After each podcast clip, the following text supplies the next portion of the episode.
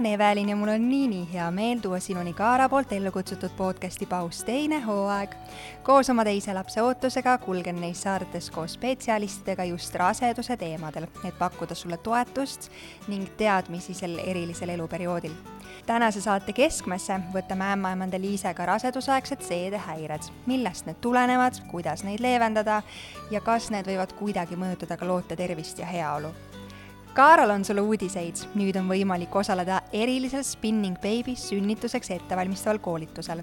see lähenemine ületab traditsioonilise lahknevuse loomuliku versus juhitud sünnituse vahel, keskendudes terviklikule vaatele, mis kasutab mõlema maailma parimaid külgi Spinning Babies seab prioriteediks keha tasakaalu ja loote optimaalse asendi läbi konkreetsete sammude ning sobib kõigile beebiootel peredele. tutvu lähemalt Kaara kodulehelt ja äpist ning broneeri oma koht. head kuulamist! tšau, Eliise! tere, Evelin! ma tahaksin väga sinu kui ämmaemanda äh, soovitusi ja nõu ja teadmisi täna kuulda seedehäirete osas, äh, mis rasedaid puudutavad hmm mul on oma kogemusest äh, see teadmine, et äh, need on miski, mis kimbutab äh, raseduse ajal. Ja ma saan aru, et väga suur tegur on toitumisel mängida siin, aga meie kehas, või naiste kehas raseduse ajal muutub väga palju, siseorganite siseorganid muudavad asukohta mm, -hmm. nende suurus vist äkki võib muutuda, sa kohe saad seda avada mm, -hmm. aga, aga sellepärast võib-olla oleks põnev täna sinu kui spetsialisti poolt neid äh, põhjuseid täpsemini kuulda ja kui need seedehäired vaevavad, siis mida ikkagi selle korral ette võtta. oled sa valmis oma teadmisi sel teemal jagama? ma annan endast parima kindlasti super, aga siis äh, võib-olla alustamegi sellest, millised seedehäired ja miks need äh, rasedaid puudutavad alustame siis äh, kohe algusest, haarame härjal sarvist. ehk siis äh, raseduse alguses me kõik ju teame igalt poolt filmidest ja, ja kuidagi selle rasedusega alati kaasneb alguses see, et, et sul on paha olla, sa iiveldad ja oksendad ja, ja noh, üleüldiselt on vastik. kõigil muidugi ei ole, aga see lihtsalt äh, nii-öelda äh, legend käib seda rada, jah, kõik teavad seda. ehk siis äh, tahan kohe veel siinkohal ära öelda, et kõik rasedad, kellel on raseduse alguses hea olla, ei tähenda, et nende rasedusega midagi halvasti on. Et lihtsalt vahemärkusena, et ka hea on väga hästi tegelikult. aga äh, mis siis põhjustab neid äh, esimese trimestri probleeme, ütleme siis probleeme, sest ütleme, naise jaoks sellel hetkel see on tegelikult probleem et äh, meil hormoonid hakkavad ju kohe kehas oma tööd täiega tegema, et see rasedus ilusti püsima jääks ja edasi areneks ning siis äh, ühed nii-öelda seisukohad ütlevad, et HCG tase, mis on ju tegelikult raseduse näitav hormoon ka, on ju, et HCG taseme tõus, kiire tõus äh, võib mõjutada seda iiveldust, oksendamist. et, et see võib olla nagu üks põhjus ja siis kindlasti ka progesteroon, mis äh, ka rasedust äh, alguses nii-öelda aitab hoida ja kasvatada, ehk siis ka selle kiire tõus siis samamoodi toob seda oksendust ja iiveldust esile. aga kui ma ka täna natukene siin ette valmistasin, siis ka mõnes uuringus selgus, et ei pruugigi olla, et kunagi ei tea. Hmm.. et lihtsalt nii on, on ju, et keha nagu reageerib sellele vastavalt siis olukorrale, on ju, niimoodi, et naisel on paha olla ehk siis äh, see on siis võib-olla see raseduse esimese trimestri nii-öelda suur legend, et äh, naised oksendavad, iiveldavad. ja siis ka need põhjused on ju, et pigem hormonaalsed, et keha siis lihtsalt kuidagi hakkab selle uue olukorraga nii-öelda toime tulema vaikselt äh, teisel trimestril ja, ja ka esimesel trimestril võib kindlasti kimbutada ka kõhukinnisus ja samamoodi progesteroon, äh, kes siis või mis siis paneb selle soolestiku hästi aeglaselt ja rahulikult tööle. ehk siis äh, muidu meil sooled nagu kogu aeg äh, väga hästi, see peristaltika toimub, ehk siis liigutavad seda toitu edasi, siis nad muutuvad, soolestik muutub väga rahulikuks ja hästi uimaseks. Mm. ehk siis sealt tekib see kõhukinnisuse mure ja, ja see võib kanduda kogu raseduse vältel, vahet ei ole, mis seisus need hormoonid on, aga alguses võib olla hormoonidest ja lõpupoole juba pigem sellepärast, et juba see emakas kasvab, laps kasvab ja lihtsalt soolestikul ei ole nagu enam ruumi. Jah, seda nii-öelda toitu seal seedida ja edasi liigutada nii hästi nagu ennem. Ehk siis äh, ütleme niimoodi, et seedimine võib olla mõnel naisel kogu raseduse aja nagu väga noh, teema.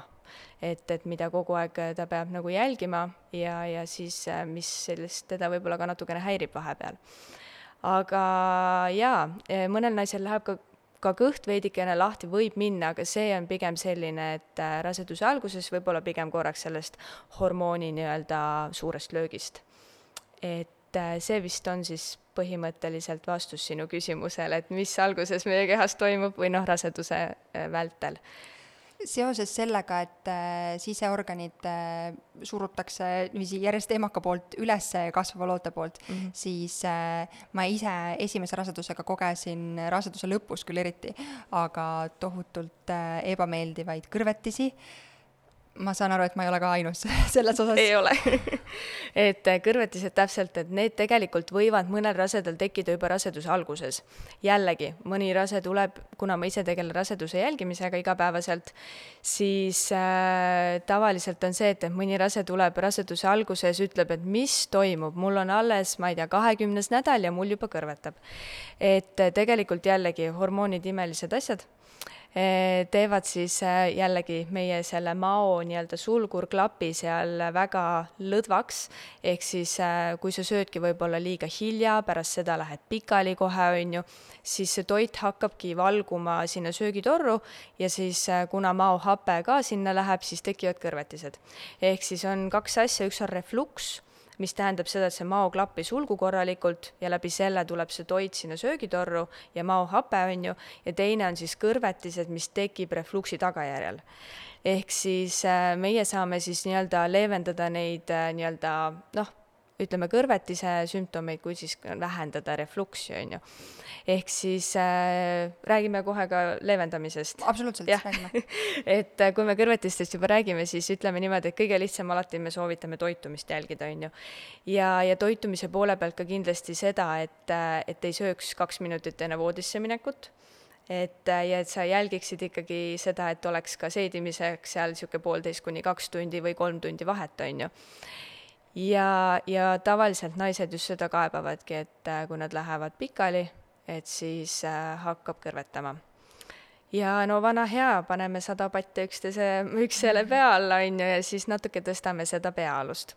aga lihtsam on kindlasti jälgida seda, et mis kell sa veel viimati sööd üleüldse see isegi üks nagu õhtusöögi äh, osa, aga ähm, ma ei tea, kas see on nagu normaalne, võib-olla mitte nii normaalne, sest mul on ka, me jõuame kohe äh, rauapreparaatideni ka ilmselt, aga aga kuna mul on rauapuudus olnud mm -hmm. nüüd mõlema rasedusega, siis äh, sellist üleüldist väsimust on ka ja ma arvan, et see vist raseduse ajal on üldse normaalne asi mm. -hmm. ja sellist ka päevast pikutamist ja diivanil kuskil mm -hmm. kerra tõmbamist on rohkem, et see on väga mugav ja tahaks küll need silmad kinni panna pärast seda lõuna- või õhtusööki mm, -hmm. aga ma ise tean, et mul on nii palju parem olla, kui ma kas või kohe pärast söömist lähen koristan selle köögi ära, olen püstises asendis mm -hmm. või lähen jalutama või olen natukene liikumas ja püstises asendis, enne kui ma sinna diivanile ennast kerra tõmban. jaa, kõik õige.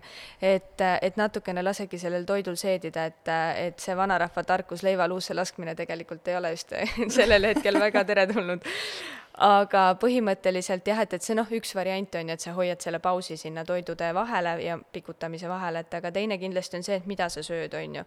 et ei kasuta palju pipart ja vürtse ja kuidas sa maitsestad oma toitu, on ju ning äh, ja mis toiduained siis süüa, et noh, siin on muidugi toitumisnõustajad kindlasti minust võib-olla natukene sellel teemal targemad, aga aga, aga lihtsalt süüagi pigem ikkagi puu- ja köögivilju, mis on äh, aurutatud ideaalis ja, ja vähem siis kindlasti igasuguseid äh, pärmitooteid ja, ja selliseid äh, hapusid äh, ja väga vürtsikaid asju, nagu ma juba ka ütlesin.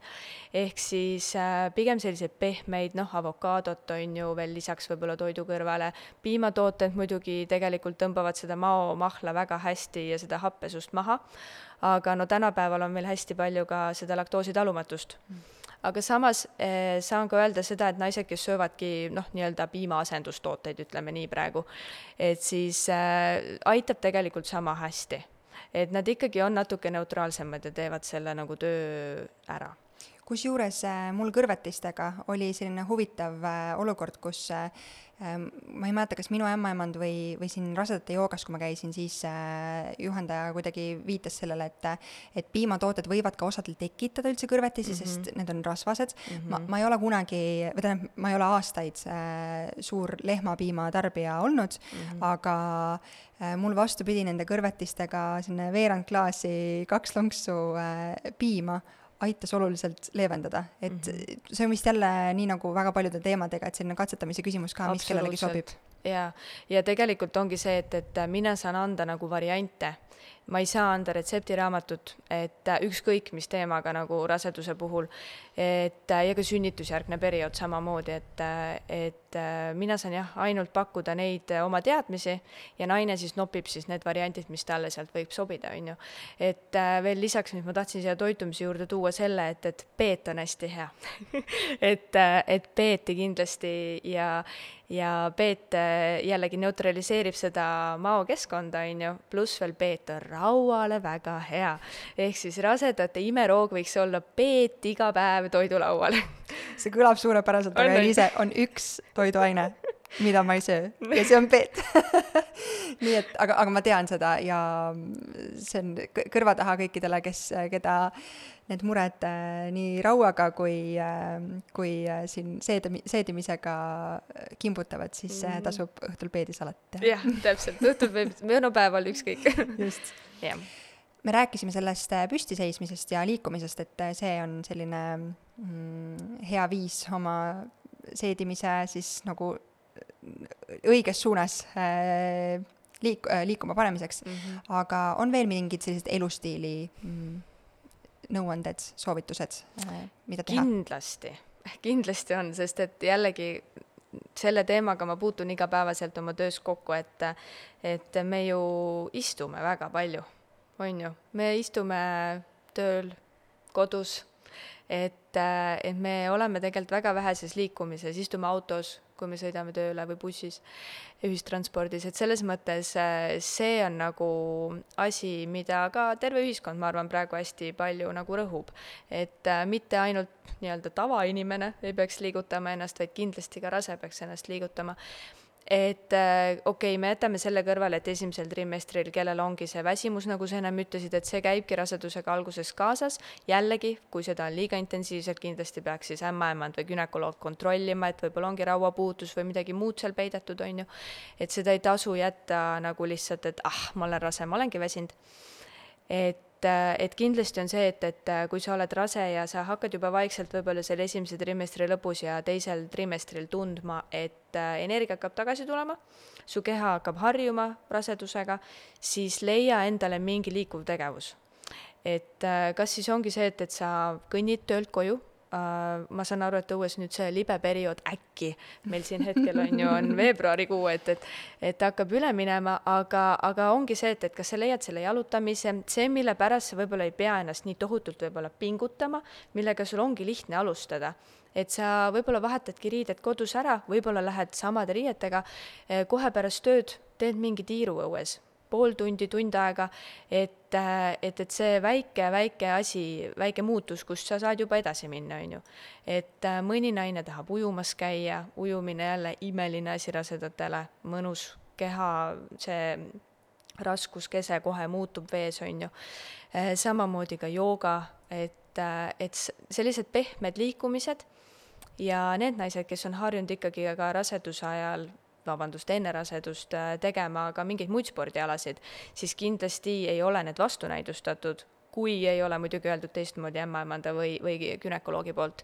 et aga üldjuhul liigutamine, liigutamine, liigutamine ja siis vee joomine nii et sa tead, see on nii äh, nagu tore ja ühtpidi ka või teistpidi ka hirmutav, et äh, ma saan igas saates peaaegu äh,, mis on siis, mis me oleme ette võtnud praegu sümptomite põhiselt mm, -hmm. äh, saan kinnitada seda, et äh, vee joomine, uni, liikumine mm -hmm. ja äh, täisväärtuslik mitmekülgne menüü, milles sisaldub väga palju kiudaineid mm, -hmm. on A ja O yeah. hea ja tugeva tervise ja heaolu jaoks. nii on jah, midagi ei saa öelda teistmoodi me rääkisime põgusalt äh, siin erinevates variatsioonides sellest äh, rauapuudusest ja üks äh, see kimbutab päris palju rasedaid, sest jaa. vere hulk või ve- veremaht kehas väga palju suureneb äh, ja selleks raud, mis raud kehas meie teeb, miks, miks seda, miks me selles kontekstis seda räägime üldse? Rauda on sellepärast vaja, et raud, see nii-öelda hemoglobiin siis ütleme hetkel, mitte raud, et hemoglobiin transpordib hapnikku meil kehas ringi ja, ja see nii-öelda raua või see hapniku ainevahetus toimub meil kopsudes ja sealt edasi siis läheb äh, hemoglobiini kaudu meie kehasse laiali need äh, nii-öelda hapniku osakesed mm. -hmm. ja, ja siis sealt edasi jõuab ta ju ka lapsene, on ju, et aga kui meie kehas endas on seda hemoglobiini vähe, siis äh, ei jõua seda nii meie kehale piisavalt kui ka siis lapsele piisavalt. ja sealt võivad siis noh, selles mõttes, et äh, ikkagi lapsele, ma ei saa öelda, et nüüd tuleb väikse kaaluga laps, aga noh, ütleme niimoodi, et kui laps ei saa piisavalt hapnikku, siis see mõjutab teda ja tema arengut ja kasvu. aga raud on üleüldiselt oluline vereloome Jah. ta, tarvis, eks? Okei okay., ja kuna see puudutatud või mõjutatud saab tihti rasedatel, siis äh, selle jaoks äh, võetakse rauapreparaate, täpselt nii millel on oma mõju seedimisele. mm. -hmm. aga jällegi, see on jällegi noh, ütleme niimoodi, et tavaliselt äh, rauapreparaat, kõht kinni, on ju, et võrdusmärgi võib sinna vahele tuua. aga jällegi on see, et, et äh, hästi palju on tegelikult katsetamises kinni. meil on tulnud tohutult palju erinevaid rauapreparaate turule, apteekidesse. Et äh, ja samamoodi jällegi, nagu me juba mainisime, toitumist on ju üle vaadata, okei okay,, sinna peeti võib-olla kohe esimese valikuna ei võtaks, on ju, aga kindlasti on meil ka ju muud rohelised spinatid äh,, tomatid, maasikad tulevad varsti. et noh, sellised lihtsad tatar ja mustikad ja kõik sellised täpselt, just, ja, ja et äh, ja jällegi tatar mulle endale hullult üldse ei meeldi, et, et ma mäletan ise raseduse ajal seda, et, et ma tatart ei tahtnud süüa. aga see selleks, et põhimõtteliselt äh, jah, et kui nüüd kohe nagu äh, haarata selle rauapreparaadi järgi, siis äh, võib proovida erinevaid ja kindlasti anda sellele niisugune kolm nädalat, neli nädalat katseaega ja, ja siis selle järgi vaadata et äh, kas sobib või ei sobi. et jällegi vana hea, kui ma nüüd praegu lihtsalt ähm, meenutan ja ütlen ka ühe preparaadi nimega Retafer, et selles mõttes, et see on noh, aegade algusest olnud rasedate põhirauaravim, on ju, kui nii palju neid turul ei olnud, siis ütleme nii, et, et mõni naine ei taha seda sellepärast võtta, et äh, käib jutt, et see teeb kõhu kinni. aga samas on naised, kellele see väga ilusti tõstab rauda, on ju, ja kõht ei lähe üldse kinni et lihtsalt äh, jällegi linnalegendid liiguvad iga asja kohta, aga kindlasti soovitan nagu ise proovida erinevaid variante. Sest et hea on ikkagi, et see raud tõuseks, mitte ei läheks alla normipiiri.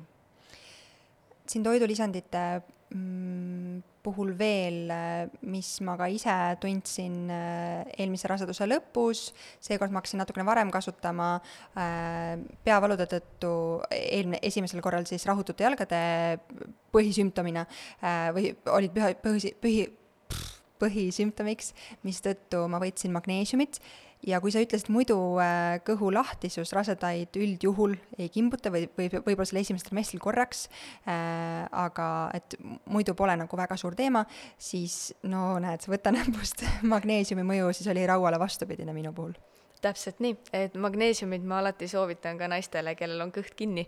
et äh, ole hea, võta magneesiumit ja, ja siis äh, läheb noh, tavaliselt läheb see kõht siis nagu läbi selle pehmemaks, et kui magneesiumit hakkab kehas nii-öelda liiga palju saama, et siis äh, ta hakkab kehast välja tulema ja siis tekib nii-öelda see kõhulahtisus. et iseenesest hea, et ta ei koorma organismi, ta ei jää kohe ta-, talletuma kuhugi, on ju, et tuleb välja aga seoses vitamiinidega, hea ja toidulisanditega, et mis sa tõid praegu välja, et mis ma tahtsin veel öelda, et esimesel trimestril on tegelikult äh, kaks asja vitamiinidega. hästi hea oleks äh, võtta neid B-grupi vitamiine, on ju, sest need tegelikult natukene aitavad leevendada seda iiveldust, võib-olla ka oksendamist ja toetavad, on ju, väga tohutult hästi organismi aga mida teevad tavaliselt enamasti, mida ma näen tööl, mida rasedad teevad, on see, et, et nad saavad teada, et nad on, neil on kaks triipu, nad ootavad beebit ja nad lähevad apteeki ja võtavad sealt endale noh, rasedate vitamiinid, hästi normaalne, kõik tahavad toetada ennast, selles mõttes väga okei okay., aga nendes rasedate vitamiinides tegelikult on ka see raud sees. ja, ja mõnes on rohkem, mõnes on vähem ehk siis äh, mõnel naisel ongi tegelikult äh, see, et neil on juba organismis väga okei okay kogus, hemoglobiin on normaalis-, noh, kõik on noh, korras, on ju ja neil lähebki, ütleme, see kõht võib-olla rohkem kinni, neil tekib rohkem puhitust, gaase, võib-olla isegi veidi ka kaalutõusu nagu läbi selle. et nad võtavad, ütleme siis seda vitamiini ja, ja tegelikult nende keha on nagu koormatud sellest. Ehk siis ütleme niimoodi, et mina nagu ka jällegi ma praktika nagu baasil räägin seda, on ju, et et siis tavaliselt ma alati küsin ka raseduse alguses, et aga mis vitamiine sa võtad? Ja, ja võib-olla kui palju sa võtad ja siis me räägime selle läbi ja nad lõpetavad ära ja neil hakkab kergem jällegi, võib-olla neil hakkab kergem sest sellepärast, et rasedus läheb edasi, on ju, aga, aga ütleme niimoodi, et, et see noh, vitamiinide ja toidulisandite tarvitamine on selline noh, minu silmis kaheti niisugune mõistetav asi, et pigem ma alati soovitan nagu ennem rääkida läbi siis oma raseduse jälgimise ämmaemanda või günekoloogiga, et kas sul on midagi juurde vaja, võib-olla sa toitud ja, ja teed kõike nii hästi, oled juba ennem teinud, et sul tegelikult noh, peale foolhappe siis ei olegi võib-olla seda kogu kompleksi vaja juurde võtta.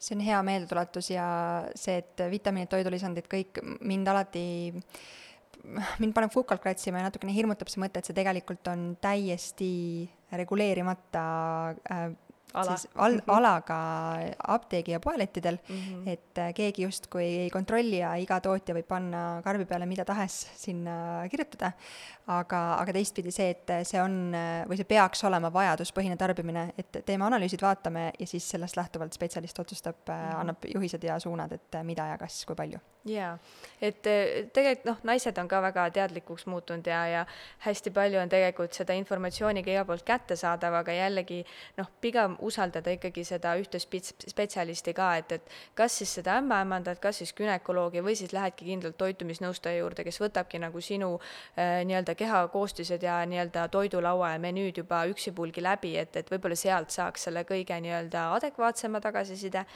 Aga jah, et, et see toitumine ja vitamiinid ja kõik need noh, ütleme, see teema on pigem niisugune, mis mind natukene teeb selliseks võib-olla ähm, kuidas ma ütlen, alalhoidlikuks või mhm. selline, et, et, et ma ei julge nagu võib-olla nii peale lennata selle teemaga alati, et, et seal on jah, väga palju nüansse, et äh, jällegi, ega vitamiinid ei ole halvad, et see, ma ei saa nagu seda joont sinna tõmmata aga tuleb võtta niimoodi kahe jalaga maa peal selle, seda teemat, ma arvan. see kõlab hea soovitusena. me rääkisime sellistest ehm, võimalikest elustiili muutustest, eh, mida igapäevaselt saab teha, et neid seedevaevusi eh, leevendada, aga kui ikkagi asi on jama eh, ja see kõhukinnisus vaevab või on see kõrvetsed, mis vaevad, siis tegelikult on hulk ravimeid, mida on raseduse ajal täiesti okei okay võtta mm. -hmm. on küll on nii täpselt, nagu sa ütlesid, et äh, mis ka veel siit äh, selle ohtliku ja jamaga välja tuua, on võib-olla see, et, et lähme korraks tagasi veel sinna esimese trimestri juurde, et et, äh, et millal on ohtlik ja jama, kui on iiveldus ja oksendamine nii suur, et oleks vaja nagu erakorralisse minna, on ju. et kindlasti siis, kui enam ei püsigi päeva jooksul noh, üldse toitu ega vett sees. et mõnel naisel tekibki juba selline refleks, et, et ta joob selle noh, ma ei tea, paar lonksu vett ära ja see tuleb samamoodi tagasi välja. et, et kindlasti siis, kui ei ole enam jõudu, äh, sa tunnedki täiesti, et, et äh, on nõrkus ja oledki kaks-kolm päeva juba täiesti pidevalt oksendanud, on ju, ehk ma ei taha siin nagu tuua neid numbreid välja, et a la oksendad kaks korda päevas, mine erakorralisse, vaid et pigem see ongi niimoodi, et mõne jaoks naise jaoks, kellel võib-olla niigi kehamassiindeks on juba võib-olla mingisugune seitseteist, kaheksateist ja tema oksendab kaks korda päevas, tal ei püsi vesi sees, siis tema jaoks on võib-olla ühe päevaga juba error, on ju, et ta peaks juba siis kontrolli minema. et äh, need näitajad on hästi individuaalsed, aga põhiline on ikkagi tunnetada ära see, et, et äh, see tohutu nõrkus, jõuetus äh, ja sa näed, et midagi äh, ei lähe toitu alla, sa pole kaks-kolm päeva midagi süüa suutnud siis oleks vaja teha see samm ikkagi, et minna siis sünnitusmaja erakorralisse vastuvõtukontrolli või siis vähemalt helistada sinna, küsida nõu, et tegelikult on meil kõikide Eesti nende ju erakorraliste telefoninumbrid on olemas või siis ka ämmaemandate nõuandeliini äh, telefoninumber on ju. Et, äh, et põhimõtteliselt küsida ennem nõu või kas või julgustavat nii-öelda seda sammu, et jah, sa võid minna, on ju et, et siis nad kontrollivad üle ja teevad ka veel vereanalüüsid ja annavad seda nii-öelda mineraalainete tilka ja ka ravimit, mis tõmbab seda iiveldust veidike tagasi. et siis kindlasti ei maksa nagu ootama jääda. aga kui hiljem on kõht kinni ja ei ole võib-olla paar nädalat eh, nii-öelda vetsus saanud käia korralikult. kas me räägime paarist nädalast päriselt ei, no on erinevaid juhtumeid ja siis on juba, siis on juba natukene, ütleme, väga raske. mul Aga... tavaliselt paar päeva juba, siis on punased lipud lehvivad, et oo ja mõnel naisel ongi nädal on selline, et äh, ei ole kõht läbi käinud korralikult, et siis äh, jällegi oleneb seedimisest, mõnel naisel on okei okay,, kui ta käibki, ma ei tea, kaks korda nädalas kõht läbi, et, et selles mõttes inimesed on erinevad, aga oleneb jälle, kuidas sa varem oled harjunud, on ju, käima vetsus nii-öelda. ja, ja, ja kuidas nüüd sul see olukord on, et seda peab nagu ise jällegi enda põhiselt jälgima siis on kindlasti, meil on apteegis käsimüügis on ravimid olemas, jällegi ei hakkaks siin neid nimesid võib-olla välja tooma, aga kindlasti teadke, et saate apteegist ka ravimeid osta. aga kindlasti teadlikult peaks ennem ikkagi küsima ämmaemanda või arsti käest äh, need äh, kindlad nimed, mida just sina võid kasutada, sest äh, kindlasti on ka koostoimeid, on ju, erinevatel ravimitel, aga, aga jah et põhimõtteliselt on leevendust ikkagi ka peale toitumise ja liikumise ja vee joomise, et, et saab ka apteegis seda leevendust kätte kui me selle iivelduse korraks kõrvale jätame, sest äh, selle puhul ikkagi asi võib kriitiliseks minna, et äh, keha kaotab äh, liiga palju vedelikku ja, ja sellest äh, tingitud mured äh, nii ema tervisele kui lootele. aga kui me räägime sellest kõhu kinnisusest äh,, refluksist ja kõrvetistest, siis äh, kas võib midagi nagu ohtlikku juhtuda, kui ei pööra kas siis oma elustiilile piisavalt tähelepanu, ei, kuidagi ei ravi mingite ravimitega seda ja liigset tähelepanu üldse sellele probleemile ei pööra? et kui kõht on kinni ja, ja naist see ei häiri, siis äh, minu teadmiste kohaselt ei tohiks see ka lapsele väga midagi tekitada, sest et lihtsalt ütleme niimoodi, et äh, et mingi hetk, kui see sool hakkab seal kõhus nii-öelda paisuma sellest nii-öelda jääkmassist, on ju, mis tahaks välja tulla, siis jällegi seda ruumi jääb vähemaks, laps võib muutuda nii-öelda rahutumaks, et, et lihtsalt see tohutu ebamugavus, mis sellega kaasneb naisele, tegelikult lõpuks peaks teda nagu liigutama, noh, ajama, aga, või noh, midagi siis eh, lahendust leidma, on ju, suunama. aga põhimõtteliselt otseselt jah, see, ütleme, et jääkained võiksid kehast ikkagi jäl-, välja tulla, kui need ikkagi tohutult kogunevad, siis äh, võivad need ka mingi hetk ikkagi ka organismi üldjoontes mõjutama hakata. aga otseselt siit midagi välja ei saa tuua.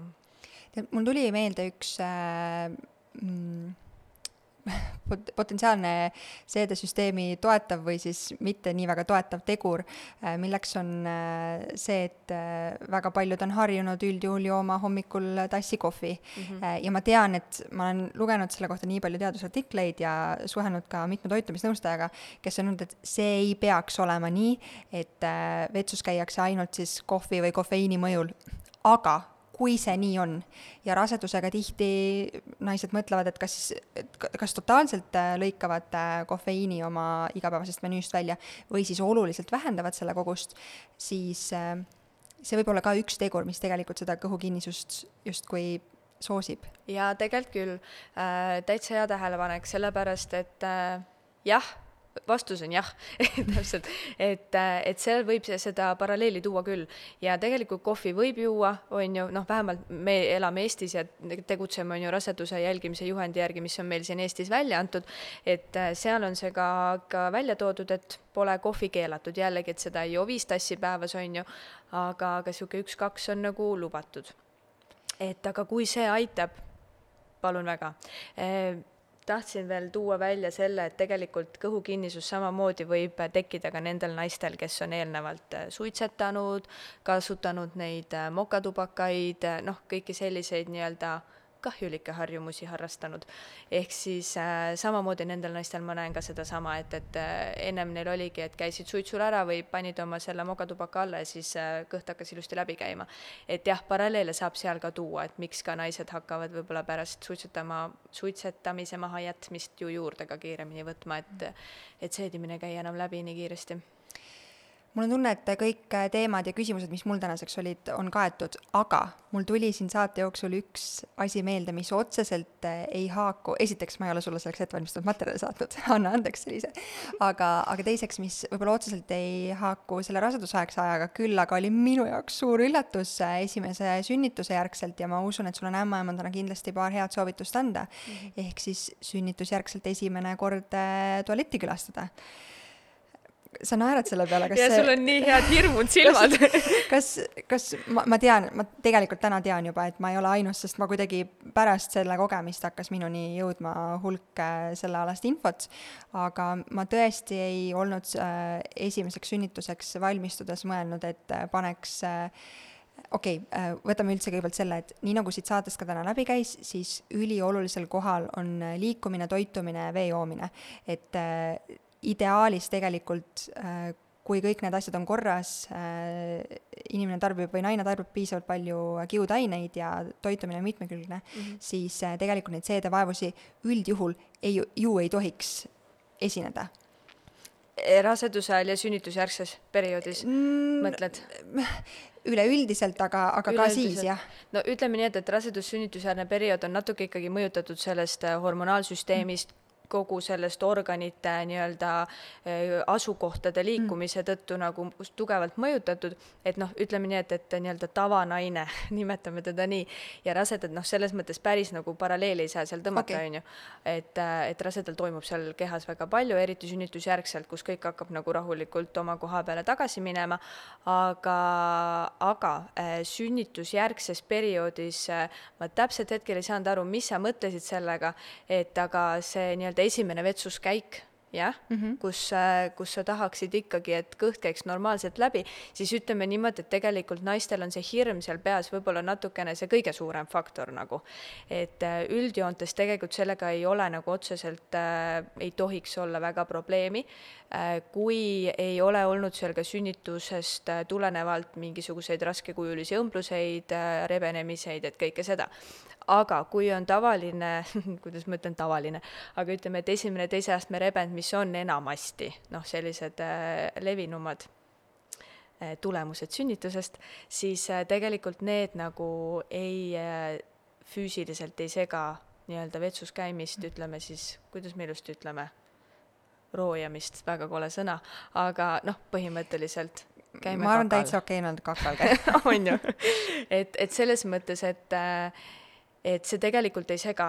Ja, ja fakt ongi see, et, et mis me soovitame, on see, et, et sa ikkagi jällegi võib-olla tuletad meelde juba neid vaagnapõhjalihaseid, on ju, mida tegelikult me kõik peaksime raseduse ajal treenima ja enne seda ja pärast seda, on ju, meelde tuletama, et kus need kõik asuvad, et kui sa nagu oskad neid lõdvaks lasta ja suudad ka ennast nagu vaimselt äh, selleks valmis panna, siis tegelikult pärast sünnitust, kui sul on olnud vaginaalne sünnitus, siis su lihased on kõik nii pehmed ja see nii-öelda teekond on, ütleme nii, et see kõik on väga lõdva, siis tegelikult ei ole selle esimese kakal käimisega mingit probleemi, sest see tuleb ise välja. aga ometigi see on teema, sest ja. Äh, kui ma ise olin seda kogenud, ühesõnaga minu esim-, esimese sünnituse järgselt kogemus, äh, mis nii, nagu sa tõid nii-öelda tavapärase või normaalse sünnituse puhul, nii halvad sõnad, mida üldse kasutada sünnituse puhul, aga, aga vaginaalne sünnitus äh,, väga-väga väikesed äh, esteetilised äh, rebendid, mis äh, said äh,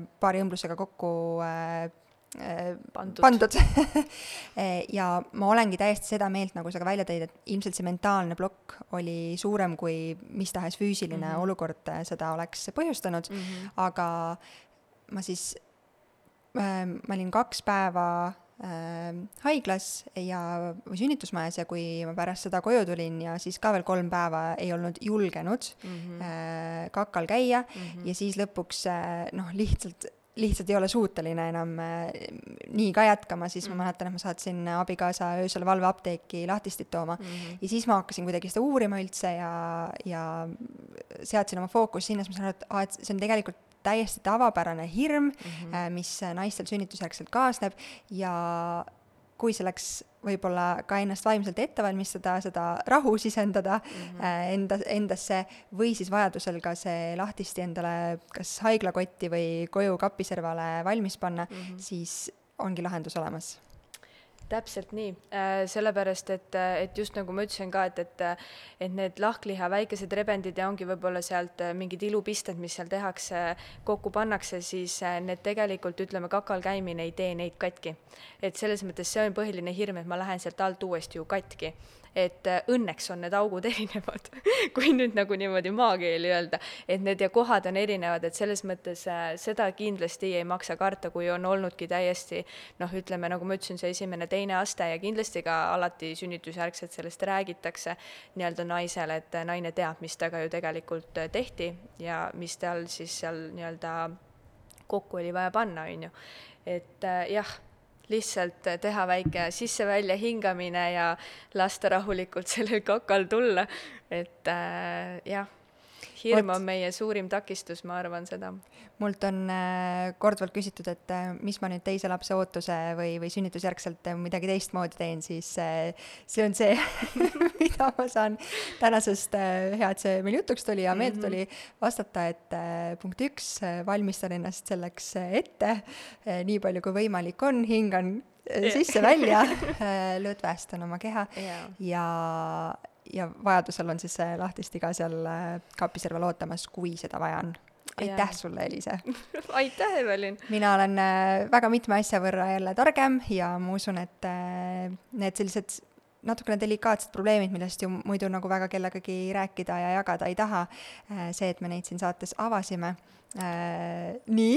üks asi tuli meelde praegu seoses sellega, et, et mis tekib võib-olla siis, kui on kõhukinnisus et äh, siis võib äh, ka lisanduda hemoroidide probleem. Sest kuna sa ütlesid praegu delikaatsed teemad, siis äh, naised ei julge visiidi käes, visiidi jooksul küsida või, või pöörata tähelepanu sellele, et, et neil on hemoroidikaebused et see on ka täiesti teine lõik, millest võiks nagu hästi pikalt rääkida, aga jällegi, et äh, võib-olla ka lihtsalt äh, kokkuvõttes öelda, et ärge kartke rääkida nendest probleemidest, uskuge mind, ämmaemandad on näinud ja kuulnud kõike. et selles mõttes see ongi see teema, millega me iga päev kokku puutume.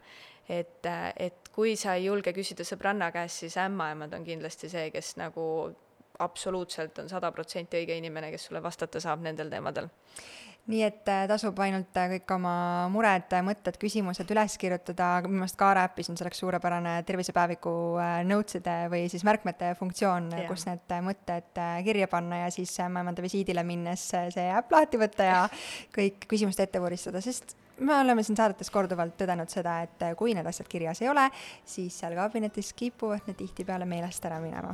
nõus aitäh sulle, Eliise, äh, targem, äh, ma usun, et väga paljud said oma küsimustele vastuse ja oskavad võib-olla, kui veel täna seda probleemi üht või teist, millest me arutasime, ei ole, siis oskavad neid ka mingil määral elustiiliga ennetada, aitäh! aitäh! tšau!